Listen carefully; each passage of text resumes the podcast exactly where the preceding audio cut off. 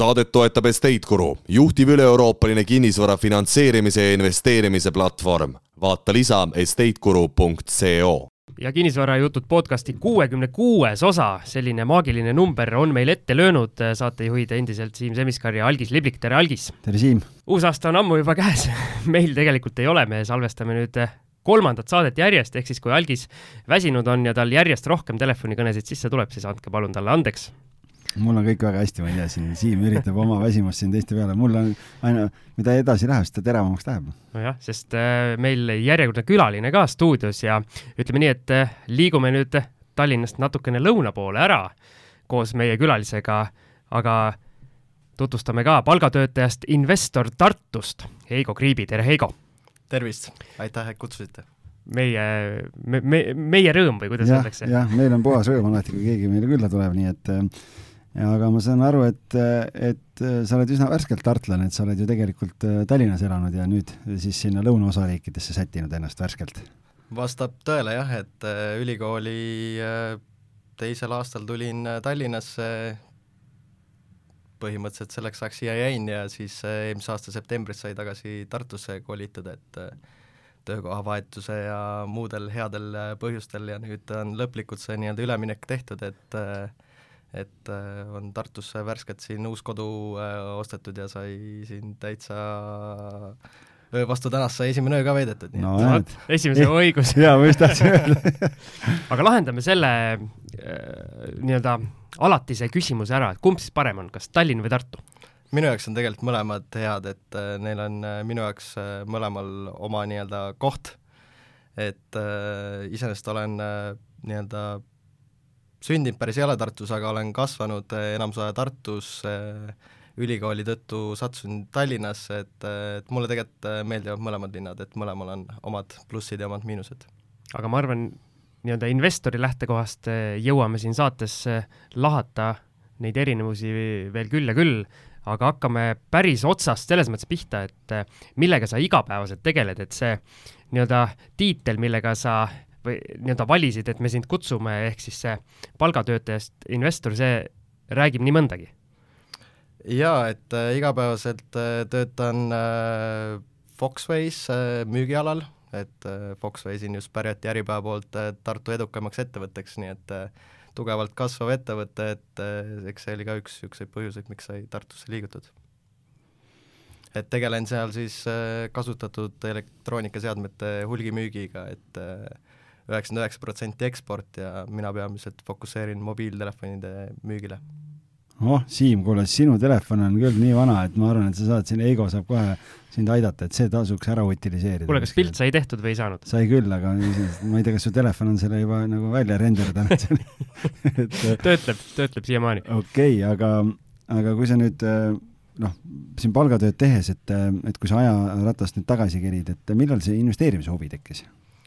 Et tegelikult äh, mõtlesin enne siia saatesse tulekut selle peale, et kuna see, kuna see nagu huvi tekkis äh,, täpselt ei osanudki seda aega ära kaardistada, et äh, eks ta tekkis äh, oluliselt varem, kui, kui sai tegutsema hakatud, et äh, kuskilt äh, mingite teed pidi jõudis minuni see vana ja tuntud äh, Rikas isa, vaene isa raamat ja sealt kuidagi läks lumepall veerema ja siis mingi hetk äh, vaatasin, et oleks vaja nüüd tegutsema ka nii-öelda hakata ja see tegutsemise nii-öelda trigger tekkis, tekkis nagu sellest, et äh, sattusin äh,, kohtusin oma praeguse elukaaslase, abikaasaga, ja tema oli just parasjagu äh, enda esimest äh, korterit ostmas, et ta oli seda varasemalt juba planeerinud, oli ringi vaadanud, aga, aga ei olnud seda lõplikku nii-öelda tehingut sellel hetkel veel teinud. Ja siis ma sattusingi temaga koos äh, KV-d sirvima ja nii-öelda aitasin ka tal siis otsida teda, tema seda esimest kodu ja siis hiljem ka seda sisustada. ja läbi selle nii-öelda turgatas endale ka pähe, et ohoh, et et kuidas on võimalik nii-öelda endale kinnisvara soetada. et mis tema puhul just oligi see, mis, mis niisuguse ahaa-momendi mulle tekitas tookord, oli see, et ta oli kinnisvara ostmas, aga aga ega tal endal nagu suuri rahasummasid kontol ei olnud ja siis ma nägin, kuidas saab osta kinnisvaraga nii, et sul tegelikult ei ole nii-öelda suuri rahasummasid kontol. et tema puhul ta siis kasutas nii-öelda vanemate maja lisatagatisena ja saigi niiviisi sada protsenti laenu, pluss veel lisaks veel äh, sisustuse jaoks ka ehk siis sina alustasid kohe nii-öelda kinnisvarast just selle Kiyosaki raamatu tuules ja siis äh, oma elukaaslase abil?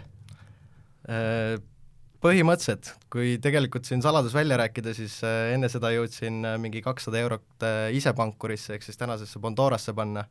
et tegelikult sai algus sealt, aga, aga kinnisvara puhul jah, et selles mõttes, et on ta kõige, kuidagi oli arusaadavam nii-öelda ilma nagu muude kogemustega, et see ühisrahastus ja aktsiad, et noh, aktsiatest ei saanud mitte mõhkugi aru. Ja siis see ühisrahastus tundus ka niisugune kuidagi ei mõistnud nagu sada protsenti, et siis see kinnisvara oli jah, selline valik, et äh, oli kuidagi arusaadavam, see nii-öelda minu jaoks.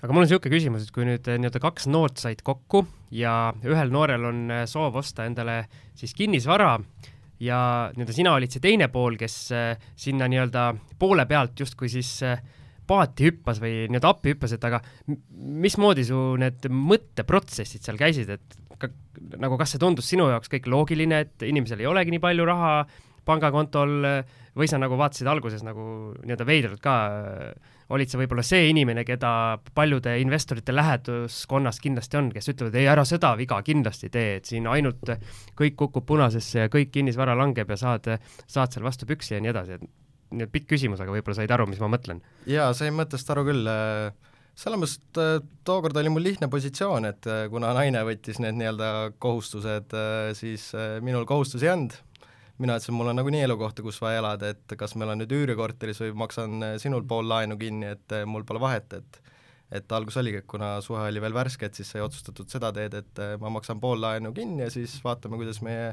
kooselu sujuma hakkab ja siis kui tahab, siis võib naine üürilepingu nii-öelda lõpetada ja mind välja tõsta seda ei juhtunud, ma saan aru. loodame. ei juhtunud, jah aga selles mõttes oli ka see minu jaoks niisugune mõttemaailma muudatus ka, et äh, eelmises kriisis äh, nii-öelda isa oli mul ettevõtja, sai seal kriisis nii-öelda kannatada, ütleme, jäi selle kriisi hammasrataste vahele.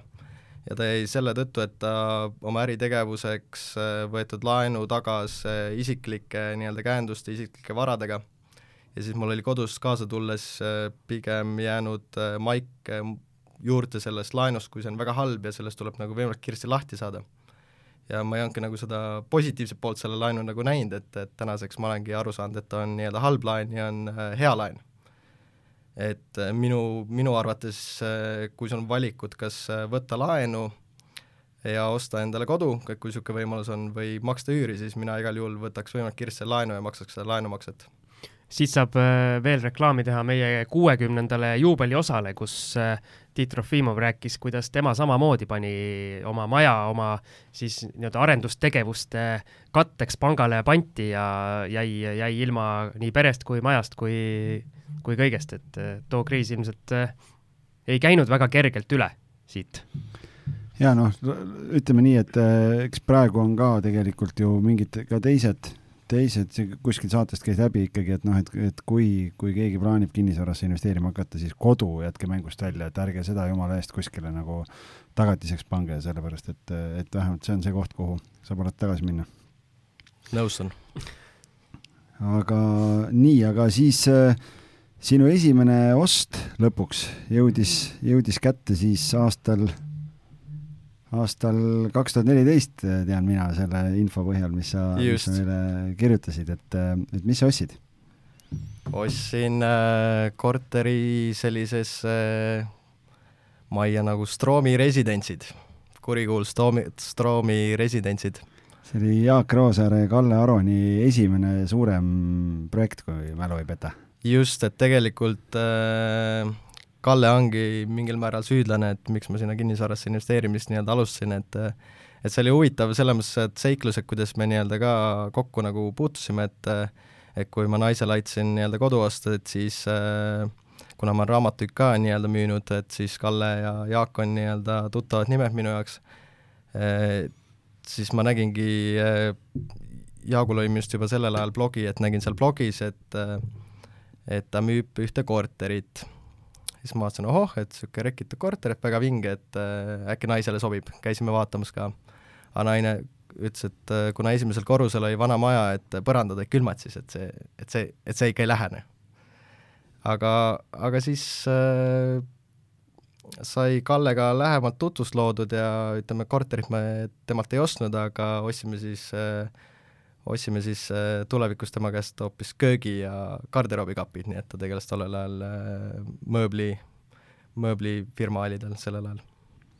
jaa, tean seda lugu isegi, et ta kunagi tegeles sellega ja mäletan esimesi, üks esimesi kinnisvaraseminare, kus mina kunagi käisin, siis ta seal veel rääkis, kuidas, kui nad seda Stroomit tegid ja, ja mis seal juhtus kõik ja, ja, ja kuidas need köögid ja värgid ja asjad, nii et äh, ja no Kalle käis meil ka saates päris kohe alguses. saade number, ma ei tea, kuus või, või mingi ja. selline, esimese kümne saate hulgas otsige välja, et see on üks väga-väga muhe saade, kuidas te kuulete sellest, kuidas, kuidas tema teekond algas, nii et ja seal et... on ka juttu sellest samast äh, Stroomi residentside majast ja nende järgnevatest tegevute, tegemistest ka ja samamoodi, kuidas seal autovõtmega kogu maja mis need olid, need äh, mingi vundamenditalad läbi torgati või midagi? muide, praegu siin va varastame lava ära, aga, aga mul oli üks äh,, kohtusin ühe inimesega ja eile või? ei, see eile ei olnud, aga, aga siin mõni nädal tagasi, kui ma siin ühes teises podcast'is külaliseks käisin ja siis tuli jutuks, et äh, üks inimene ostis sellesama maja, kus Kalle käis selle autovõtmega ja noh, et konstruktsioonid jube kehvad ja asjad ja värgid ja ja see teine inimene ütles, et, et ta võib tagantjärele öelda, et tegelikult ei olnud nii kehvad midagi. et ema ostis selle maja ära ja, ja kõik oli tipp-topp, nii et, et, et näed. ühesõnaga, see inimene oli meie saadet kuulanud? ta oli meie saadet, ja, ja, ja ta oli seda, ta oli meie, ta meie saadet kuulanud ja ütles, et, et tegelikult eh, tal vedas, et Kalle ära ostnud, nii et, et oli, oli väga okei okay. no,. ühe õnnetus on teise õnn, onju okei okay,, aga, aga siis äh, sa nägid selle... seda kuulutust ja kuidas siis, mis edasi sai? et kuidas selle esimese tehinguni ikka jõudsin? Äh, selle esimese tehingu väike eelinfo oli veel selline, et Jaagul oli, äh, ma arvan, kuskil kaks tuhat neliteist äh, algus oli, oli mingi kuulutus üleval Randa tänaval Stroomi residentsi peaaegu kõrval, et oli, oli äkki kahetoaline, oli müügil ja ta müüs seda koos üürnikuga ja siis ma vaatasin, ohoh, koos üürnikuga, et nagu kui sa ei tea asjast midagi, et noh, pool tööd on tehtud juba, eks? pool tööd on tehtud, et äh, kuidagi saaks selle laenu kätte ja oleks, olekski hästi, on ju, et üürnikud on juba sees ja juba, juba raha tuleb et äh, ma ise läksin alles palgatööle ka kaks tuhat kolmteist alguses, et siis ma nägingi nagu seda võimalust, et äh, kuus kuud olen palgatööl ära, et siis äh, olengi juba laenukõlbulik. et, et siis nii kui ma laenukõlbulik olin, hakkasin ma nii-öelda ringi vaatama, et mida siis, mida siis saaks, kuigi endal raha endiselt ei olnud. ja siis kaks tuhat neliteist kevadel mäletan, et käisingi kinnisvaraseminaril, ma ei mäleta, mis nimetusega ta tookord oli, ja siis Kalle Aron presenteeris seda Stroomi residentsid projekti, et kuna nad ise olid hulgi ostmas, siis mõtlesid, et ostavad gramm rohkem, et müüvad siis mõned maha ka, on ju. ja muidugi sellest ma olin väga vaimustunud ja lõpp, seminari lõpus mäletan, et panin oma nime kirja, ka sinna lehele kirja, kes huvi tundsid ja ja tundsingi, et et kuna sisenemisbarjäär oli nii madal, et vot see on projekt, et selle ma pean nüüd ära tegema. et see nui neljaks, see tuleb kuidagi, kuidagi endale saada, et, et et noh, kui selle summa eest kinnisvara nii-öelda ei osta, et siis nagu et kõik muu on palju kallim, et siis, siis midagi muud nagu üldse, üldse ei saa, et eh, oligi siis mõeldud tehtud, mõtlesin, et lähen siis panka, sain lepitud nõustamise kokku, et lähen uurin, mis võimalused siis on, on ju, et kuna ise ka ei, ei teadnud, kuidas see protseduur täpselt käib, et et naine ju läks panka ja tuli tagasi sealt koos laenu ja kinnisvaraga, on ju, et äkki raha oli kilekotist, tuli koju jah, et äkki, äkki läheb endal ka nii hästi, on ju. kuna mul on niisugune ambitsioonikas äi, et äh, tervitan oma äia siin, siis tema ütles, et kuule, mis sa seda ühte korterit oled ostnud, võta kohe kaks. siis mulle, et okei okay,, et noh, ma ei tea, kust seda ühtegi saada, aga mees räägib, et võta kaks juba, on ju. ma ütlesin, okei okay,, noh, mis seal ikka, siis tuleb proovida. Läksin siis Swedbanki ja noh, vaatasime kõik asjad seal üle ja ja põhimõtteliselt äh, isegi joonistas välja seal äh, mingid variandid, kuidas sa saaks, vaatasime seal üle, et, et et kuidas ja mis saaks, et mis mu plaan oli, et mu algne plaan oligi tegelikult äh, kohe, et lisatagatisega osta, naine oli nõus siis, tänane abikaasa oli nõus siis oma kinnisvara tagatiseks panema, et tollal oli see täitsa variant niimoodi teha. põhimõtteliselt joonistasime seal kõik asjad pangast välja, pidi protsess nagu edasi liikuma, siis mingi hetk mäletan, et oligi see haldur helistas, et kuule, et ikka nii ei saa, et et minu algne plaan oli siis see, et üks kodulaenuga ja teine kodukapitalilaenuga. siis ta ütles, kuule, aga sul ju, kuna sa paned oma nii-öelda elukaaslase kinnisvara siin tagatiseks, et siis sul järelikult on elukohti olemas, et me ei saa sulle kodulaenu anda.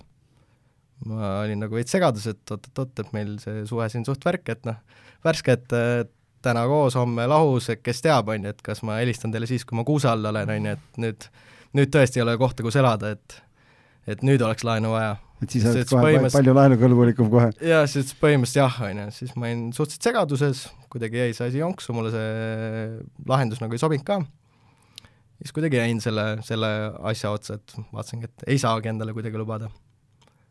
aga siis noh, kui piisavalt kaua, ma arvan, mingi asja mõtte ümber ragistad, siis ükskord leiad lahenduse ka.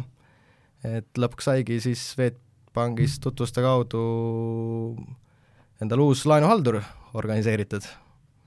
et äh, ja siis selle uue laenuhalduriga läks asi libedamalt, et siis ma kahte tollel hetkel enam ei proovinud, mõtlesin, et hakkan siis ühekaupa ikkagi, et et äh, tema ei näinud mingit probleemi, et inimesel, kellel kodulaenu ei ole, et miks mitte ei võiks kodulaenu anda, kui sissetulekud on piisavad ja on tagatist ja kõike muud ja siis saigi lõpuks kaks tuhat neliteist oktoobriks sai see esimene korter sai ostetud. Mäletad sa neid tingimusi ka, et toonast kodulaenu võrdled intressidega, et on seal kuidagi erinevused sees ka, et see oli niisugune viis aastat peale seda kõige suuremat auku, et, et kui, kuidas need, üks asi on see, et noh, need laenutingimused ja kõik see, et sa said panna mingi lähisugulase või, või mingi elukaaslase kinnisvara, said panna äh, tagatiseks ja nii edasi, et kas äh, oli kuidagi see intressisüsteem oli ka erinev kui praegu või? eks ta mingil määral võib-olla oli kõrgem, aga kuna see oli mu esimene nii-öelda ka kinnisvaralaen, esimene objekt, et siis selle tõttu ka kindlasti oli see nii-öelda intress, intress kõrgem.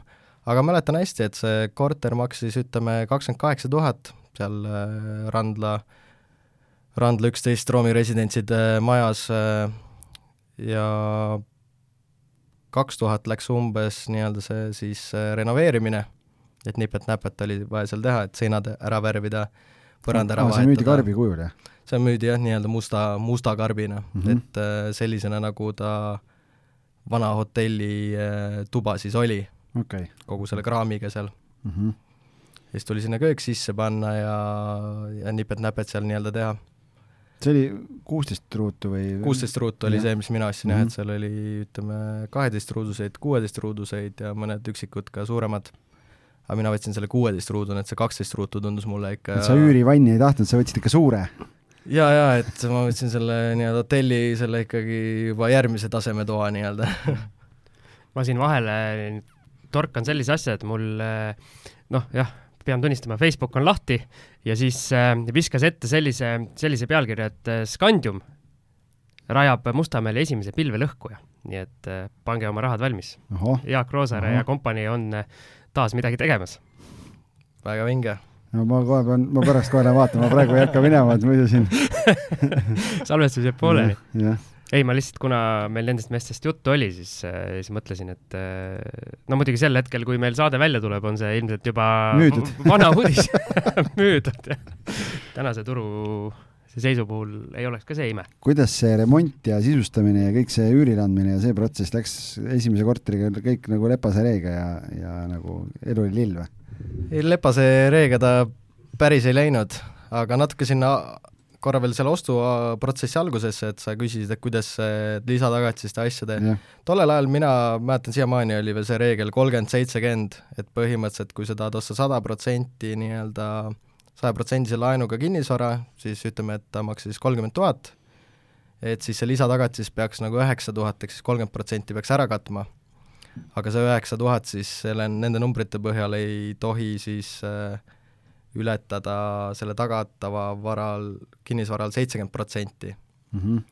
et ta ei tohi sealt nagu piiridest lõhki minna. et niimoodi mängides nii-öelda sai, et selle tõttu oli minule ka endale üsna huvitav, et tookord mängis selline olukord välja, et aasta varem oli ju abikaasa ostnud sada protsenti laenuga kinnisvara ja aasta hiljem sai seda juba kasutada lisatagatiseks nagu järgmise kinnisvara jaoks. väärtus oli nii palju kasvanud ja Just. tagasi makstud laenu, et ei olnud enam seitsekümmend protsenti see jah, juba, juba oli seal nii-öelda ruumi tekkinud ja kõik asja, mis nad siis kokku pank hindas, et siis ta oli tookord nõus nii-öelda andma. ja see kaks tuhat, mis sisustuseks läks, nii-öelda selle võtsin ka sugulastelt veel, et mul too hetk jah, omal raha väga üle ei olnud, ma mäletan, ma ei jõudnud küll arhiivis surfida, surfata, aga ma arvan, et tollel ajal suutsin võib-olla palgast niisugune kakssada eurot kõrvale panna nagu. ja ma iseendale, kuna ma olen tegelikult pigem olnud niisugune investeerimis tagasihoidlik, konservatiivne, siis ma enda peas nagu mõtlesin niimoodi, et et kui ma sinna isegi üürnikku ei saa, et siis ma suudan oma nii-öelda sääst, säästmise arvelt maksta selle laenu ära ja maksta need kommunaalid ka ära, et selles mõttes, et ei ole midagi hullu, kui nii-öelda see projekt peaks kuidagi vett vedama minema aga selle renoveerimise faasi, selle siimu panemise sai nii-öelda siis äh, Youtube'ist ja guugeldades nii-öelda selgeks tehtud endale. et sina vaatasid kuus aastat tagasi neid videod ära, mida Siim praegu vaatab? ei no vaadake nüüd äh.... Need on, ma arvan, rohkem materjali ühes korteris panin natuke käed külge ja nüüd äh,, nüüd on selline aura tekkinud mu ümber, no mõnus, mõnus. kuldsete kätega mees oleks siis, oleks siis käed kuldsed et enam-vähem läks plaani, plaanipäraselt kõik, et ma paningi endale, et kuu aega, mäletan, et circa oktoobri algus sain nii-öelda selle objekti kätte ja siis äh, paningi eesmärgiks, siis kuu aega peab olema objekt valmis ja üürnik sees. Äh, ehitusliku poole pealt saigi nibin-nabin selle kuu aega valmis, sai, sai seal äh, see osa tehtud, sai kuulutus üles pandud, hakkas kohe kõnesid ka tulema, et et palju neid kõnesid ei pidanudki seal ootama, et Äh, sattuski mulle üks üürnik, kes oli suhteliselt nii-öelda kõnes suht niisugune meeldivalt agressiivne nii-öelda, tahtis kohe kiirelt, äh, et äh, piltide pealt talle juba kõik sobib ja rääkis mulle kõik oma tausta ära, kuidas ta naisega nii-öelda läks lahku ja seal sellepärast vajab seda nii-öelda kuuteist ruutmeetrit ja ütleski, et lähme õhtul vaatama, et võta leping kaasa ja kui kõik sobib, et siis paneme allkirjad alla ja tema annab raha ja mina annan võtmed ja kõik on õnnelikud ja mõeldud-tehtud, noh, mis seal ikka siis. natuke kahtlane siis saimegi seal korteri peal kokku, vaatasingi, et okei okay,, tuli ilusti king jalas ja teksapüks ja mantel ja kõik nagu vinks-vonks, aga jube palju rääkis, no ise ei saanud üldse vahele midagi rääkida, et vend ainult vatras terve aja nagu. siis mul lõpuks ei jõudnud seda vatramist väga palju kuulata, siis küsisin, kuule, kas sul siis raha ka on nagu, et äh, deposiit ja nagu esimese kuu üür ette või, ta ütles, milles probleem, et lähme automaadi juurde, võtame välja, siis mõtlesin, noh, et et kui ennem oli juba selle poole vestluse pealt oli äh, oli sisetunne, ütles, et ei, et ma ei võta seda üürnikku, siis äh, kui ta ütles, et kohe raha maksab ja kohe hakkab raha jooksma, siis ma ütlesin, noh, mis seal ikka siis, et äh, proovime ära. käisime automaadi juures ära ja vahetasime võtmeid ja kõik oli rõõmus ja ja siis läksin koju ja olin ühtepidi õnnelik ja ja siis tegin Google'i lahti ja siis lõin selle nime Google'isse ja siis äh, enam ei olnud nii õnnelik.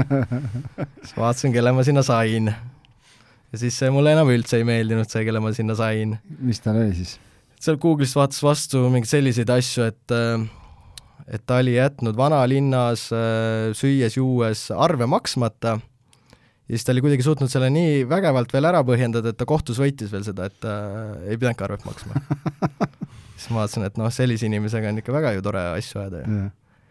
ja siis ma vaatasin, et ta oli äh, ühes kinnisvarabüroos oli ka kunagi töötanud, siis tutvuste kaudu sai juba sealt ka uuritud, et äh, mis inimesega tegemist on, siis seal öeldi, et viimane, viimane see üürikorteri ta lagastas ära ja jäi seal võlgu ka, siis see oli jälle, et okei okay. tore päris, päris hull. ja siis hakkas see asi minema niimoodi, et ta seal äh, üsna tihedalt, peaaegu iga päev helistas mulle, helistas ka laupäeva hommikul kell kuus ja seitse ja siis, et tema toimetab teisest ajavööndites üldse ja siis ajab asja seal välismaal ja mitmel rindel, mida hunt kriim silma seitse ametit, mis tal seal kõik oli. ja siis ta pidi Endoveri kohtusse andma, et põrandakalle oli vale ja värk-särk ja mis seal kõik halvasti seal korteris ka olid aga jah, ühesõnaga kuidagi järjest läks metsa poole see asi tal, et siis aga miks ta sulle siis helistas iga päev, mis tal nagu rääkida sul oli? tahtis lihtsalt suhelda sinuga? ta tahtis suhelda kellegagi jah, ja siis ta otsis noh, põhjuseid, miks jälle suhelda. ja kuidagi asi läks vaikselt nii-öelda metsa poole, kui küll ta kaotas seal mingeid võtmeid ära, et huvitav oligi, et inimene kaotab võtme ära, ütleb, et ei saa tuppa ja siis sa lähed kohale ja siis äh, korteri uks on lahti ja vend istub diivani peal, et siis mõtled, et okei okay,, et kuidas see jutt nüüd siin kokku läheb, et mingi ainet tal oli või? ma ei tea, mis, mida see inimene seal tarbis. aga see haripunkt oli seal, et äh, jälle mingitel segastel asjaoludel sattusin sinna korteri peale temaga mingeid asju ajama. ja siis, kuna noh, kööktuba ju, seisad ukse peal ja tema istub diivanil, ega noh, siis ega väga palju distantsi ei ole, on ju, et siis äh, kuulen ukse pealt käib mingi plõks, plõks, plõks, mõtlen, mis asi see on? jalutasin sinna sisse, siis astun ümber nurga, vaatan, et äh, see keraamiline pliidiplaat, mis mul on, see on tulipunane, praksub seal nii-öelda tööpinna peal. siis küsin, kuule mees, mis sa teed? mul oli külm, ma panin sooja endale siit. siis mõtlesin, okei okay,, et homme tulen, teed lõket siin põranda peal või? et noh, asi läks nagu käest ära, siis ma nägin, et okei okay,, et noh, see on mingi ebastabiilne inimene täitsa. jaa, uskumatu ja kuidagi ebastabiilne inimene, siis mõtlesingi, et okei okay,, et nüüd tuleb lihtsalt kuidagi saada, väljuda sellest äh, üürisuhtest. ja sealt ma sain siis kiirkursuse kõikides nende üüriseaduste koha pealt. helistasin sõbrale, kes oli siis äh, juura, juura baka alles nii-öelda läbinud. ütlesingi, et selline probleem, räägi mulle, mis variandid on, kuidas sellest olukorrast välja saaks aga samas oli ka väga õpetlik, et esiteks sõber tegi kiirkursuse, siis ma ostsin äh, Tõnu Toompargi äh, raamatu Korterite väljaüürimine, Närvese Vobi või Rikus Allikas oli vist nimi, on ju. ostsin selle, lugesin veel selle kiiruga nii-öelda läbi, et noh, kiire oli ka juba, on ju, kiiret ei vaja lahti saada. Ja siis ma lõpuks leidsin ühe nii-öelda argumendi. ja see argument oligi selline, et kui sul on tungivalt äh, seda oma elukohaks vaja, siis nii-öelda saad selle üürilepingu lõpetada et mul oli tähtajaline üürileping ka siis.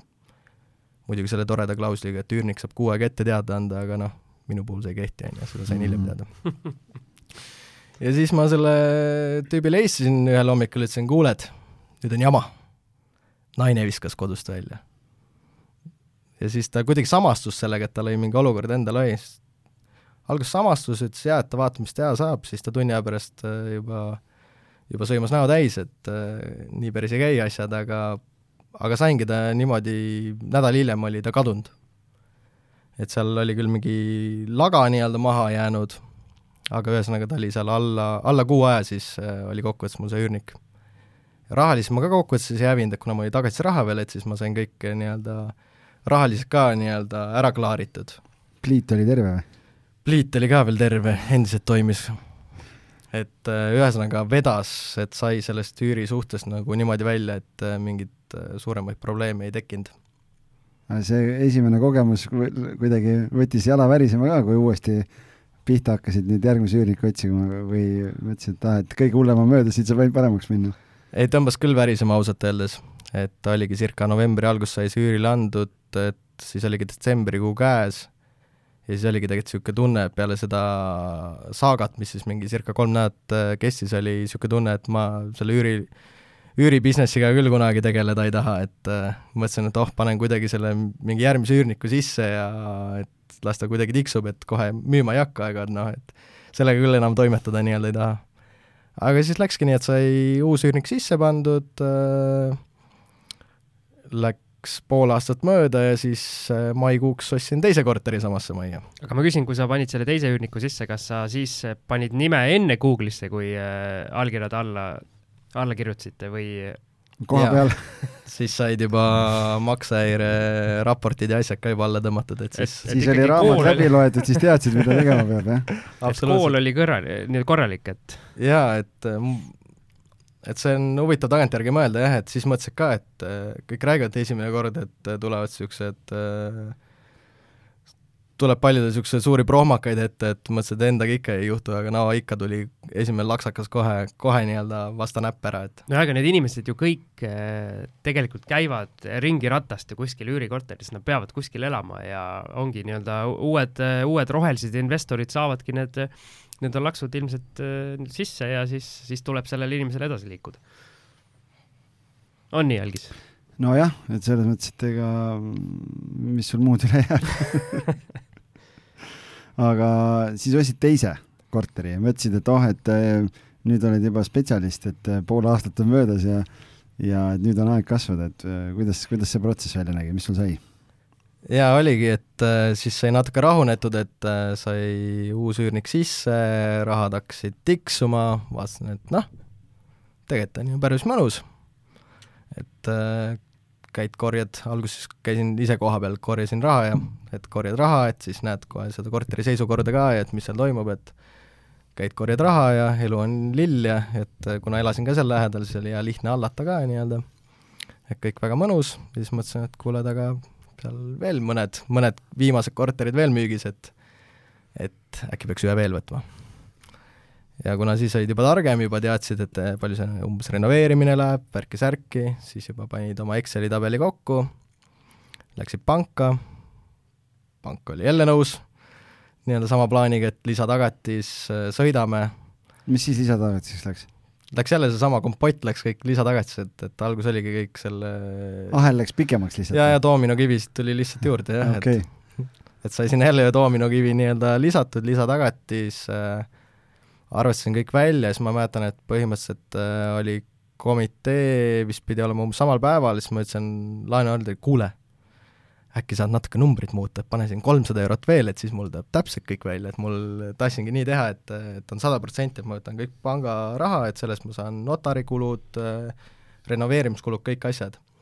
ja kokkuvõttes see teine diil läkski selles mõttes, et nagu väga plaanipäraselt, et täpselt kolmsada eurot oligi see, mis sealt puudu jäi, nii et et panid selle omast rahast ja lisaks, et aga noh, sisuliselt ma ütleks ikkagi sada protsenti nii-öelda laenuga nii-öelda kinnisvara, et põhimõtteliselt on esimesed kaks korterit ma ostsin siis nii-öelda sada protsenti pangalaenuga.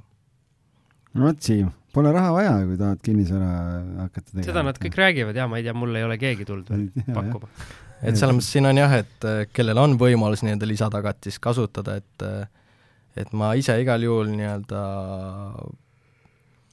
soovitan nii-öelda siis äh, sugulastelt küsida, et kas keegi on nõus selle nii-öelda õla alla panema, sest eriti ma mõtlen noore inimese puhul, mina nagu ei näe seal tohutut nii-öelda, tohutult suurt riski, et kindlasti see on risk ja seda riskiga peab nii-öelda ka arvestama, et see oleks kuidagi siis nii-öelda mingi back-up plaan oleks sellele riskile ka nii-öelda olemas, aga see on kindlasti minu arust väga hea lihtne viis, kui inimene läheb palgatööle, hakkab saama nii-öelda ametlikku tulu, mille vastu pank on nõus laenu andma, et sealt on, et nii on väga hea startida nagu, et kusjuures äh, kogu see teema, ma siin vahepeal mõtlesin ja isegi siin korra vaatasin natukene, natukene asju, kui, kui siin juttu rääkisite, et äh, mul ettevõttel ju, Vaida korter algis, algis teab, kuidas Vaidas on äh, hinnad kasvanud äh,. saatsin Siimule lingi üks päev, ütlesin, et see on kaks tuhat viissada euri ruut, müüakse korterit ühetoalist, ütlesin no, et teeb Tallinnale ka silmad ette. no vot, et äh,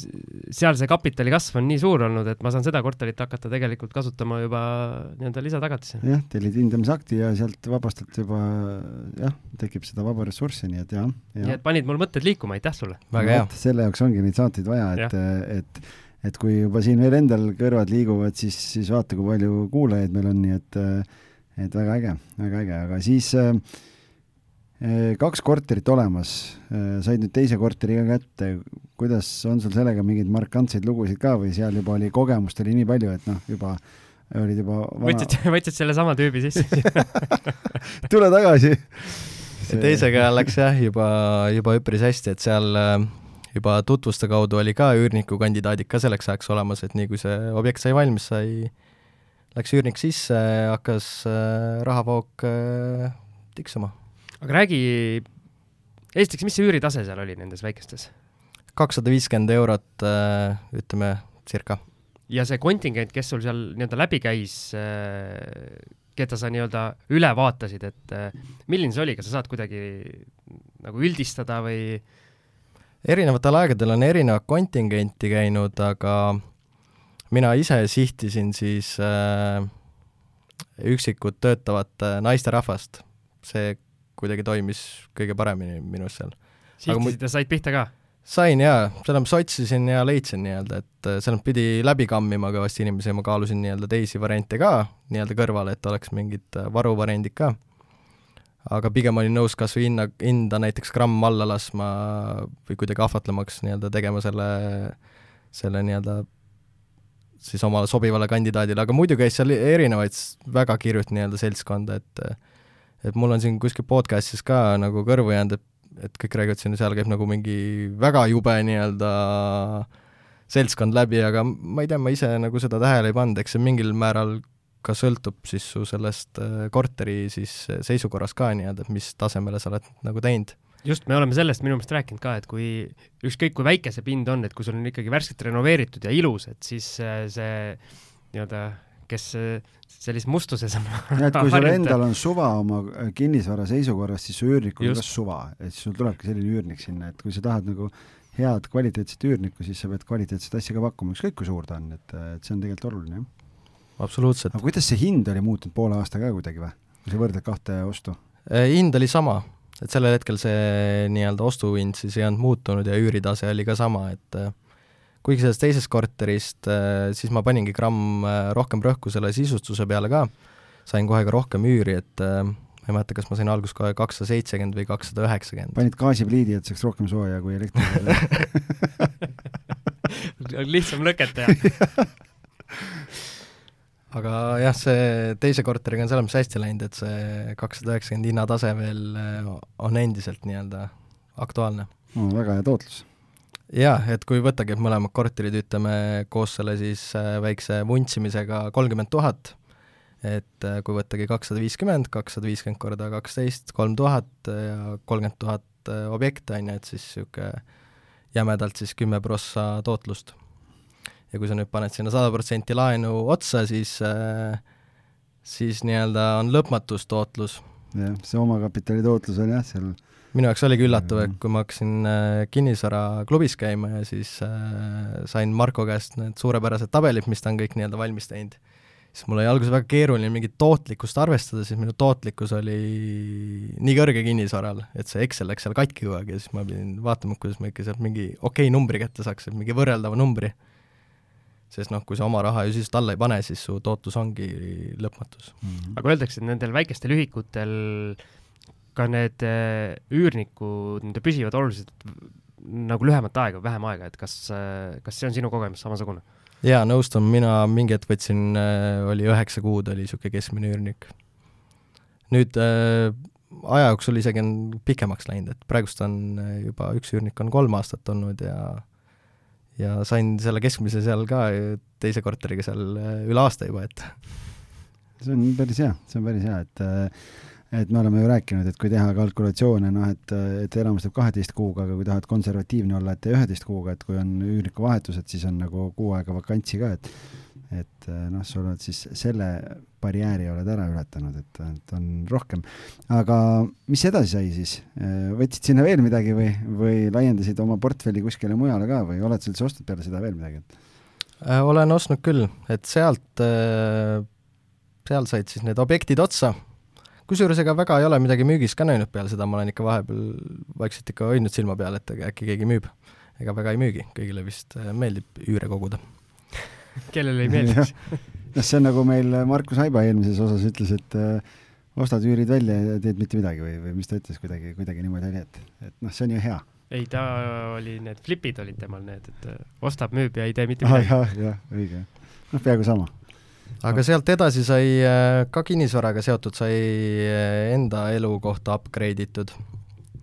et siis kaks tuhat viisteist lõpp Äh, sai ostetud uus kodu, et sellega oli ka niisugune huvitav mõte, et äh, või huvitav, äh, huvitav seiklus, et naisega lihtsalt mõtlesime, et okei okay,, et võiks, võiks müüki panna lihtsalt pulli pärast mingi kirve hinnaga, et vaadata, mis juhtub ja siis samal ajal hakkasime vaatama, mis nagu muidu ka turul pakutakse. et kuna naine ostis tookord siis uude majja suure ühetoalise, tänapäeval oleks see väike kahetoaline, ma ei tea, miks seal registris see ühetoaline Äh, et sai see müüki pandud ja tuligi ostja ja oli raha kontol ja ütles, et davai, et pakkige oma asjad ja ja tahtis, tuli rahapakiga lööma, et siis me kiirelt pidime uue elukoha nii-öelda endale otsima ja siis olemates, olemas, olemasolevatest variantidest äh, sai kolitud Lasnamäe algusesse. Fun fact, me olime naabrid äh, Heigoga seal majas. ma olen ka Lasnamäe alguses elanud et Tartust tulnuna ma kunagi ütlesin, et Lasnamäele kindlasti ei koli, aga see Lasnamäe algus ei tundunud üldse nii Lasnamägi ja siis sai sinna kolitud. ja mingi hetk eh, siis tuli algis ka mulle naabriks. jah, mul oli seal, kui ma töötasin seal, kui ma tulin kinnisvara valdkonda, siis seal portfellis oli üks suur neljatoaline korter, mis kuidagi ei sobitunud nagu selle ärimudeliga, mis, mis seal ettevõttes oli ja ja kuidagi ei, ei suudetud seda seal välja ka üürida ja, ja siis ma üürisin ise tööandjalt selle korteri ja siis me elasime seal, ma ei tea, aasta-poolteist kuskil niimoodi, olime naabrid huvitav, kuidas algisel äh, kõik naabrid ja kõik, äh, kellega ta elu sees on kokku saanud, kõik tegelevad kinnisvaraga ja lõpuks jõuavad kõik siia saatesse no vot no ma olen peaaegu igas linnaosas ka elanud, nii et noh, mul on kontakte on igal pool, et, et tuleb, tuleb lihtsalt ringi käia. tubli mees, mees jõuab nii palju lihtsalt, et. ja see oli väga kihvt kinnisvara, et äh, seal olid äh, viimasel korrusel olid siis katuseterrassid katusel, et seal oli väga hea vaade nii-öelda kogu oli jah, seal linnale. käisite kahekesi koos? ei no selles mõttes meil oli, meil kõrvuti katuseterrassid olid jah, et, et seal äh, sai jah, nemad, tema pani oma seltskonnaga mõnikord seal pidu ja, ja, ja me olime oma seltskonnaga kõrval seal, et äh, ei, väga, selles mõttes oli äge, äge maja, et ma ei tea, et väga palju selliseid katuseterrassiga maju niimoodi oleks, et äh, said päikseloojangut vaadata katuselt ja tipp-topp. jaa, peale seda mul need katusterrassid väga meeldivad et saigi ostetud sinna kahetoaline, suur kahetoaline, et kõik äh, terrassid, rõdud kokku, siis ma vaatasin, tuli sada ruutu isegi, et see terrass oli seal juba mingi kolmkümmend viis ruutu või midagi, et päris, päris lahmakas. Äh, sealt edasi äh, seal oligi natuke tükk tühja väikust, et kuna nii-öelda jälle kogu see laenuvõimekus sai siis oma elukoha nii-öelda upgrade imise peale pandud, et siis, siis poos jälle kinni, aga aga kõik need nii-öelda kogemused õpetasid mulle seda, et äh, ma alati iga laenutaotlusega hästi palju küsisin äh, laenuhaldurilt nagu küsimusi, et kuidas, mis numbri tema sai, et mis on tema arvates minu keskmine palk, äh, palju tema arvates ma maksimaalselt laenu saan, et kui palju need erinevused sinu arvutustega olid tavaliselt siis? Ma nüüd neid vanu teemasid ei mäleta, aga kui ma nüüd viimast kodu läksin ostma, siis oli kaks tuhat eurot oli arvutuste vahe nii suur? ma mõtlen nagu, sa mõtled nagu laen, laenuvõimekus laenu,, no see on tegelikult päris adekvaatne suurusjärk ju. No, tavaliselt on nagu, pane üks null veel sinna juurde. just, et noh, ja see laen, mida ma tahtsin, oli ka kakssada pluss, nii et siis äh, oli, ma ütleks, et äh, see on jah, ikka peentea-, peenteadus juba. et päris pihta läks nii-öelda see matemaatika peaksid äkki mõne panga ukse peale koputama ja ütlema, et kas teil ühte adekvaatset ja andekat laenuhaldurit äh, oleks vaja jah, ma olen äh, kunagi selle peale ka mõelnud, aga no vot. aga siis peaks kooli tagasi minema, et äh, natuke haridus ka alla pumpama. kool, see, see kool on ülehinnatud. jah, et aga et sealt sai oma kodu ostetud, siis tuli esimene laps, abielu äh, ja siis äh, Excel näitas, et äh, on võimalus jälle kinnisvara osta. aa, ma mõtlesin, et elu tuli Excelisse ja tegi Exceli katki. ei, ma kogu aeg mängisin selles mõttes numbritega, et oli jälle, et kuna kuna nagu suurt raha kontol ei seisnud, äh, siis nii-öelda tuli, tuli kuidagi alati loovalt nii-öelda mõelda ja mis, mis mulle hiljem nagu meeldis, ongi, et tegelikult iga inimene saab äh, eriti palgatöötaja minu arust väga, tegelikult suhteliselt lihtne välja arvutada nii-öelda, palju ta nagu laenu saab, et äh, mina olen ise näiteks kasutanud Swedbanki, Swedbanki kalkulaatorit, et võtad selle maksimaalse laenukalkulaatori ette, äh, löö oma sissetulek seal sisse, kuue kuu keskmine, ja pane oma kohustused sinna kirja, et noh, minul ausalt? ausalt, just.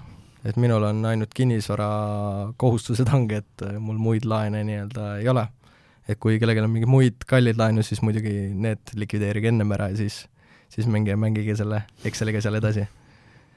et, et niipidi ma olen tegelikult ise juba ette ka osanud nii-öelda arvestada umbes, palju ma võiks laenu saada. et selles mõttes, et tegelikult ei ole üldse raketiteadus ja ma arvan, et inimestel võib vahepeal tõmmata motivatsiooni hoopis maha, nagu mul oli esimene kogemus, et sa lähed panka ja see see laenuhaldur mõistab sind valesti ja võib-olla võtab sul igasuguse soovi üldse mingit laenu saada ära ja võib-olla tekitab sulle tunde, et sa ei saagi üldse laenu, kuigi sa tegelikult äh, lähed teise halduri juurde ja pole mingit probleemi, et kõik, kõik mängib kokku nii-öelda.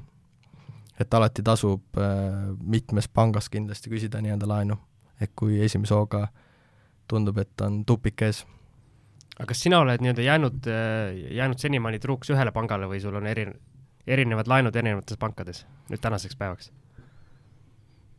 praeguseks on mul ikkagi ainult ühest pangast, kuigi ma olen äh, kõikide teiste pankadega ka suhtlenud nii eraisikuna kui ka läbi ettevõtte. et aga praegust on, äh, on jäänud äh, ühele pangale truuks. alguse poole oli see, kuna ma ehitasin neid doominokivisid, siis tegelikult ei olnudki muud varianti, kui ühest pangast võtta, sest kui sul on juba nii-öelda on juba hüpoteegid ühe panga poolt peal, siis ega keegi teine pank enam ei taha mängu tulla või kui sul on juba rohkem kui üks kodulaen, siis, äh, siis läheb ka keeruliseks juba nii-öelda võtta mingit teist ma-, panka mängu. et siis selle tõttu täna on äh, ühe panga peale jäänud. no mulle tundub näiteks, äh, ma nüüd tegutsen ettevõtte alt ja, ja ka nagu laenud on ühes pangas ja kuidagi tegelikult, kui sa, või no mulle tundub, et kui sa ettevõttega kuskile oma näpu ära annad, laenu mõttes, siis üliraske on ikkagi äh, üliraske on äh, minna kuskilt mujalt teist laenu kõrvale võtma, sest juba, juba tingimused ei luba, esiteks, äh, hullu läbirääkimist peab hakkama tegema, vähemalt mulle niimoodi tundub, et kes teab paremini, võib mind parandada, mulle kirjutada otse, oleks, oleks mulle ka hea, hea info. ma mõtlen, et huvitav, kas seda varianti ei ole, et, et nojah, siin me jõuame jälle sinna, et noh, et teed uue ettevõtte ja paned sinna. jaa, aga uus nagu, ettevõte sellele ei anta lihtsalt laenu. aga kui sul on teise ettevõttega referents all juba ja, ja näitad nagu tausta, et ütled, ma olen viimased kolm aastat teinud ja kõik sujub, et ei no võib-olla saab jah, aga, aga no, no keeruline. hüpoteesist, ma ei tea, noh, võib-olla, võib-olla nad ei arvesta seda. lihtsalt sorry, äh, uue ettevõtte tegemine on ka piisav äh, suur halduskulu lõpuks, et seda küll jah, äh, asutamised ja kõik kulud ja asjad ja värgid jah, et nii ta on, jah. ei, selles mõttes mina olen oma pangaga rahul, meil äh, siin saates ka külas käinud LHV panga äh, kiituseks, siis äh, mina ütlen, et see suhtlus on minu jaoks olnud nagu kõige parem. ma üldse ei tahtnud reklaami praegu teha, aga, aga noh. me võime teha siin, mis me tahame, et siin kõik, ise otsustada. algis lubas, algis lubas. okei okay,, aga siis nii, sa ostsite kodu ära mis siis edasi? Siis edasi äh, sündis meie perre esimene laps, siis saime teada, et ootame teist last äh, ja siis äh, nägime, et see kahetoaline korter jääb väikseks, et oleks vaja suuremat, vähemalt kolmetoalist või neljatoalist. sai ka ringi hakatud vaatama äh,, sai ka samal ajal jälle kalli hinnaga olemasolev kodu müüki pandud, et äkki keegi tuleb, täpselt otsib sellist siinkohal tahaks tänada Kristiina Siiveltit eh, Nordic Estates büroos, eh, kes on kõik meie kodud eh, kenasti ja kiirelt nii-öelda maha müünud, et sai jälle tema kätte see asi antud ja paari nädala pärast oli ta juba ostjatega ukse taga, kes olid jälle nõus tehingusse minema. ja siis pidime jälle kiirelt olemasolevat variantidest mingi järgmise kodu leidma ja siis enne seda tegelikult sai juba otsus tehtud ühe üürikorteri osas, et kuna ma töötasin tollel hetkel ka müügitöö peal, ettevõttel olid kontorid Tallinnas ja Tartus, siis kuulsin sellisest võimalusest, et et teise linna on ka võimalik kodulaenu saada, et kui teise linna korteri ostad. et kui on vaja käia, et sul on kaks kodu? siis ma haissin seal kohe võimalust, vaatasin seal kohe, võtsin mingi Tartu esimese ettejuhtuva uusarenduse mingi korteri kuulutuse võtsin ette, saatsin panka, ütlesin, tahan osta endale sellist asja, sellistel tingimustel, siis pank ütles, milles probleem, et anname sulle laenu. ja siis äh, oli esimest korda niisugune, et ohoh, pank tahab mulle laenu anda, aga tegelikult mul pole nagu konkreetset objekti, mida ma kohe nii-öelda osta tahaks. ja siis ma hakkasingi nii-öelda kiirelt jälle kammima, et mida siis, mida siis võtta, on ju, et äh, laenu pakkumine on ju laual. et saigi siis äh, uusarendusse ostetud äh, väike kahetoaline korter sinna kodulaenuga. ja selles mõttes see protsess oli suhteliselt lihtne, võib-olla oli see sellepärast, et see haldur oli mul tollel ajal mõistlik, et nüüd on nüüd on nagu Vene rulett, on ju, jagatakse sulle. enam haldurite süsteemi pole ja iga kord hakkad nullist pihta jälle. just, et kõigile räägi sedasama ajalugu, on ju on nüüd niimoodi või? jah, Swedbankis vähemalt on nii. aa, see on minu jaoks üllatus. minu jaoks oli sellega ka keeruline jah, et kui mul alguses oligi see doominokivid ehitatud, et äh, peale selle uuslinna müüki, kus me algise naabri tõime, ma saingi, selle müügiga sain äh, sellest doominokivi majandusest lahti. et ma saingi nii, et iga korter tagab ainult iseennast ja on selle objekti põhiselt see nii-öelda laen, et ükski ei ole omavahel seotud.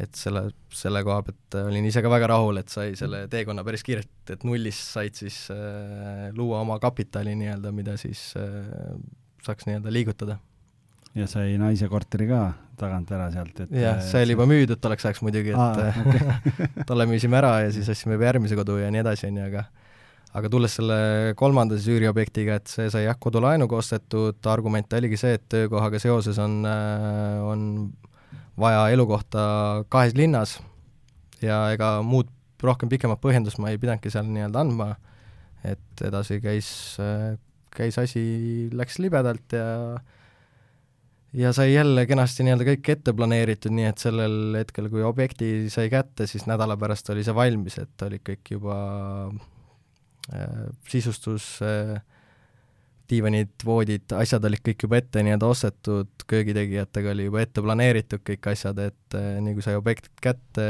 nädalaga oli valmis, üürnik sees ja ja seal oli ka juba tutvuste kaudu oli juba üürnik ka olemas, et noh, mis nii viga. Üüribusinessit ajada.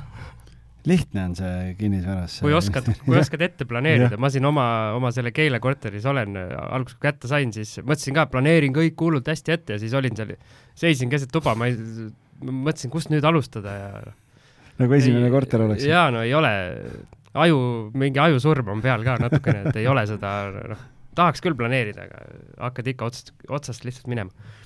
aga sa selle korteri siis üürisid välja Tartus? selle üürisin välja jah ja,, tänase päevani välja üüritud et üürihind on ka muideks kenasti kasvanud, et äh, et äh, isegi jah, mõtlesin, palju see on protsentuaalselt, isegi ütleks kolmkümmend, nelikümmend prossa on kasvanud tolle ajaga. Mis aastal see oli, kui sa ostsid? kaks tuhat kaheksateist. no pole paha. kaks tuhat kaheksateist läheb, kolm aastat on täis. Siim, Tartusse vaja minna, vaata, kus üürid kasvavad. see veel puudus, et kus veel minna kinnisvara hinnatõusu ma ei ole arvestanud, aga tolle objekti puhul ma arvan, isegi on peaaegu viiskümmend prossa, isegi hinnatõus ka. aa, no vot. nii et kõik investorid, Padavai Tartusse nüüd. jah, Vaidast, Vaidast Tartusse pikk tee pole.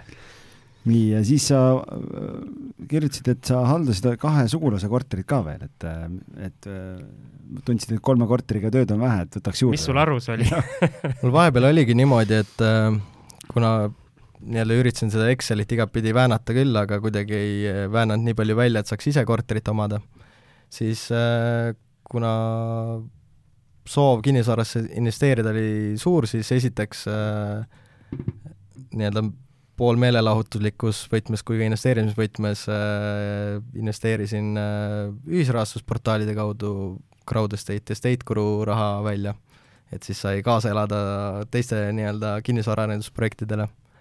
ja siis kõrvalt äh, eks sugulased ka nii-öelda nägid, mida ma teen nii-öelda ja siis sai ka neile, et kuulge, et äh, et äh, vaadake, et äkki on võimalik teil veel siin, tead sa, head laenu võtta.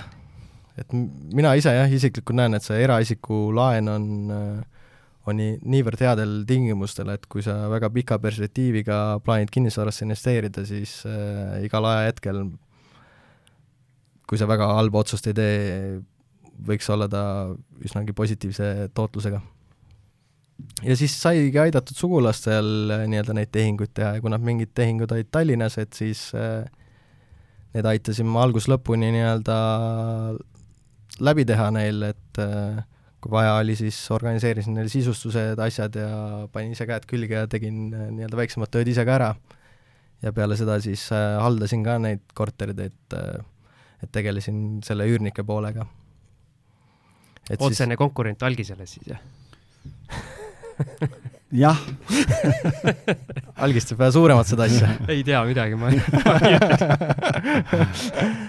ta räägib suure, suuremaks. jutt on suur, jah. aga kunagi ise mõtlesin, äh, korra käis mõte läbi küll, et äkki peakski seda, seda mõtet nagu suuremalt tegema, aga kuidagi ta mõtteks jäi, et äh, kaugemale ei jõudnud, et et kindlasti on, on see ka üks nii-öelda väga hea viis, kuidas kinnisvaraalal nii-öelda toimetada aga ma just mõtlesin küsida su käest, et eh, kas sa soovitaksid näiteks mõnel algajal, eh, kellel eh, võib-olla see asi ei saa nii kiirelt alguse, et ei ole seda algkapitali või mis nii-öelda võimalusi laenu võtta ja seda oma korterit osta, aga aga sisenebki niimoodi, nagu sina, et, et tal on mõnel sugulasel või tuttaval on mõni korter, ütleb ja, ja nii-öelda pakub ennast nii-öelda halduriks, et teeb need asjad kõik läbi, saab teada nii-öelda, kuidas need asjad käivad või sa arvad, võib-olla see sugulane ei taha, ei taha nagu ko nii-öelda kogenematut haldurit, et äh, kui võimalus on, siis kindlasti mina soovitaksin nii-öelda seda teha, et äh, et tean ka ise siin nii-öelda nooremaid inimesi, kes,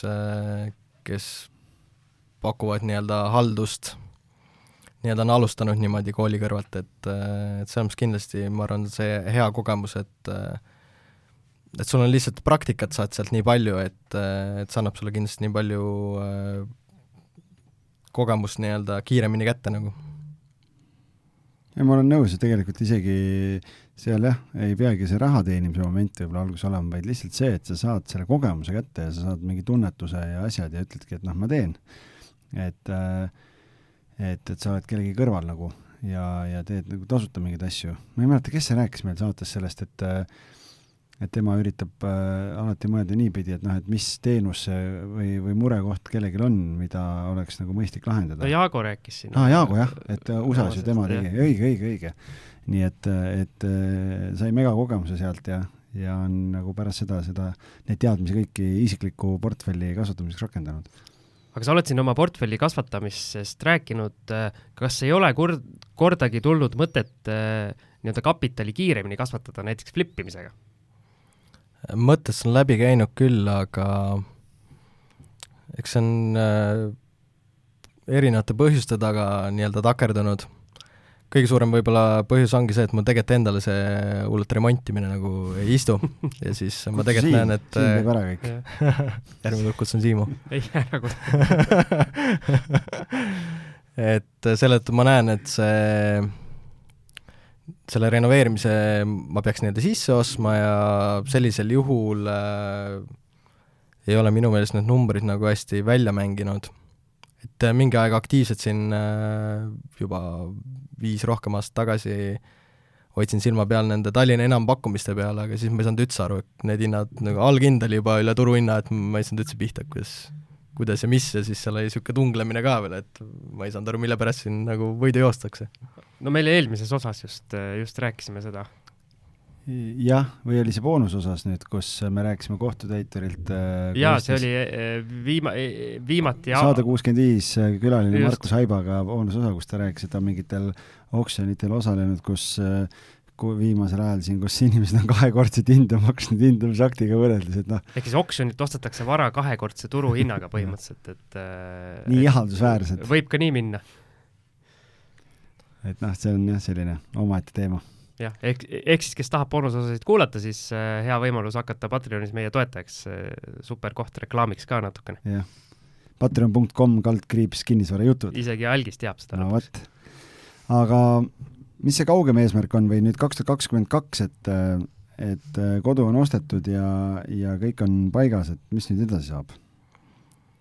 Nüüd äh, tuleb jälle see Excel jälle käima panna, vaadata, et äkki saaks ikka mõne korteri veel äh, portfelli lisada aga see Excel käib sul sellise suure punase nupuga käima, et vajutad niimoodi? makro on tehtud niimoodi? jah, makro ja siis suur punane nupp ja siis ta ütleb okay., et mida saad. ei, tegelikult ei ole nii, nii lihtne päris, aga aga selles mõttes on, iga kord on huvitav see, et kui kui jälle võtad mingi laenu ära, siis on laenuvõimekus on jälle põhjas, öeldakse, et midagi ei saa sa siin rohkem laenu, et isegi mingit tuhandet eurot ei saa võib-olla vahepeal lisaks aga siis läheb jälle mingi pool aastat, aastakese mööda ja siis äh, jälle leiad mingeid viisi, kuidas äh,, kuidas jälle oleks võimalik nii-öelda laenu juurde saada.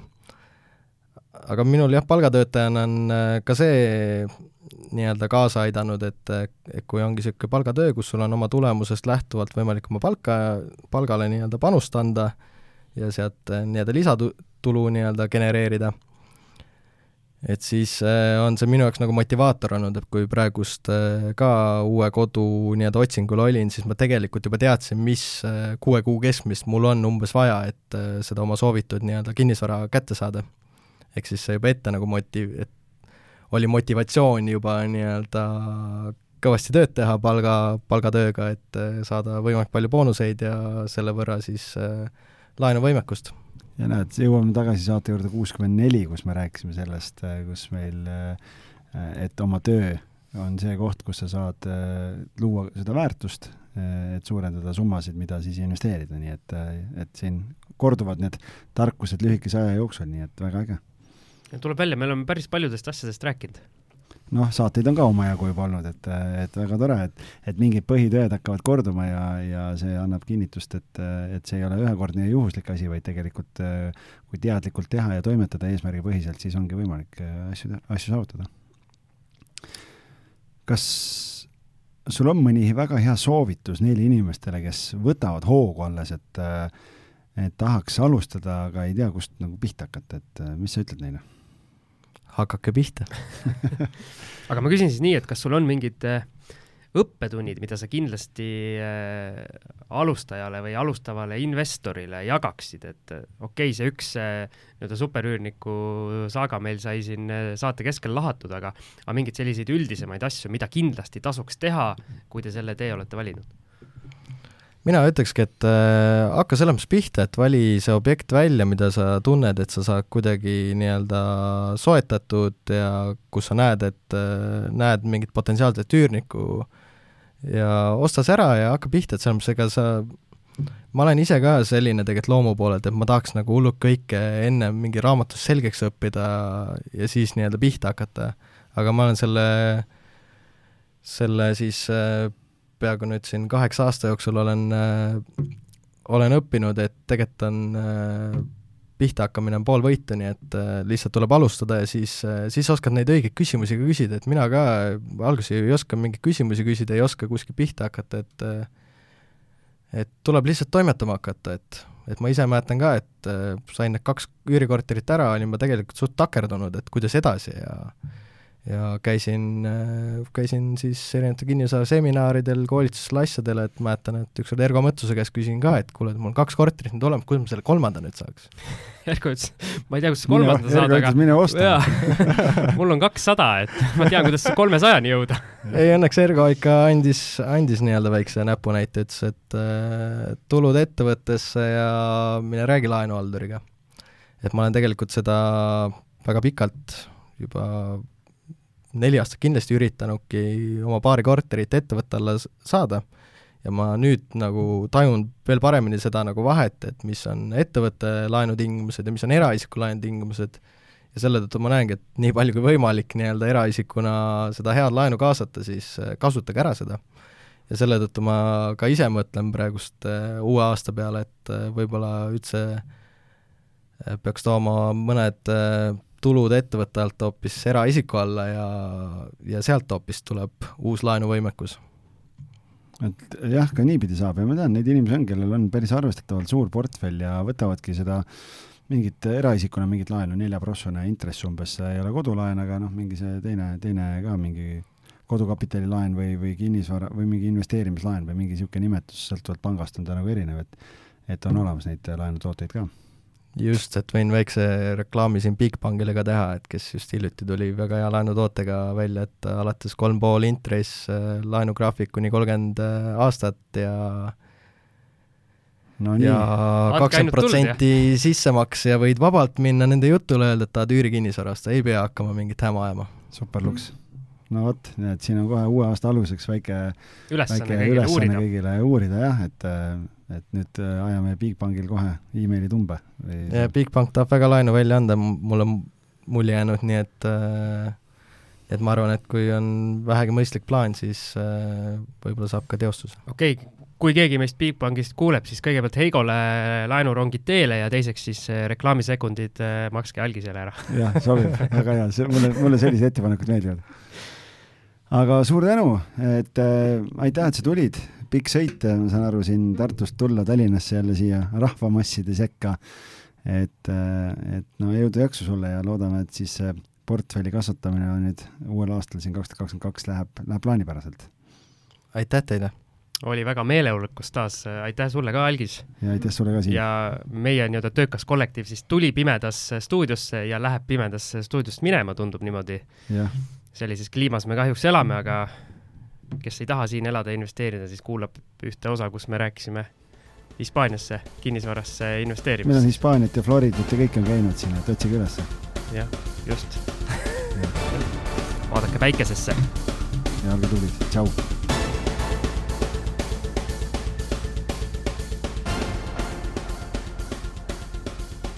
Saadet toetab Estate Guru, juhtiv üle-euroopaline kinnisvara finantseerimise ja investeerimise platvorm. vaata lisa estateguru.co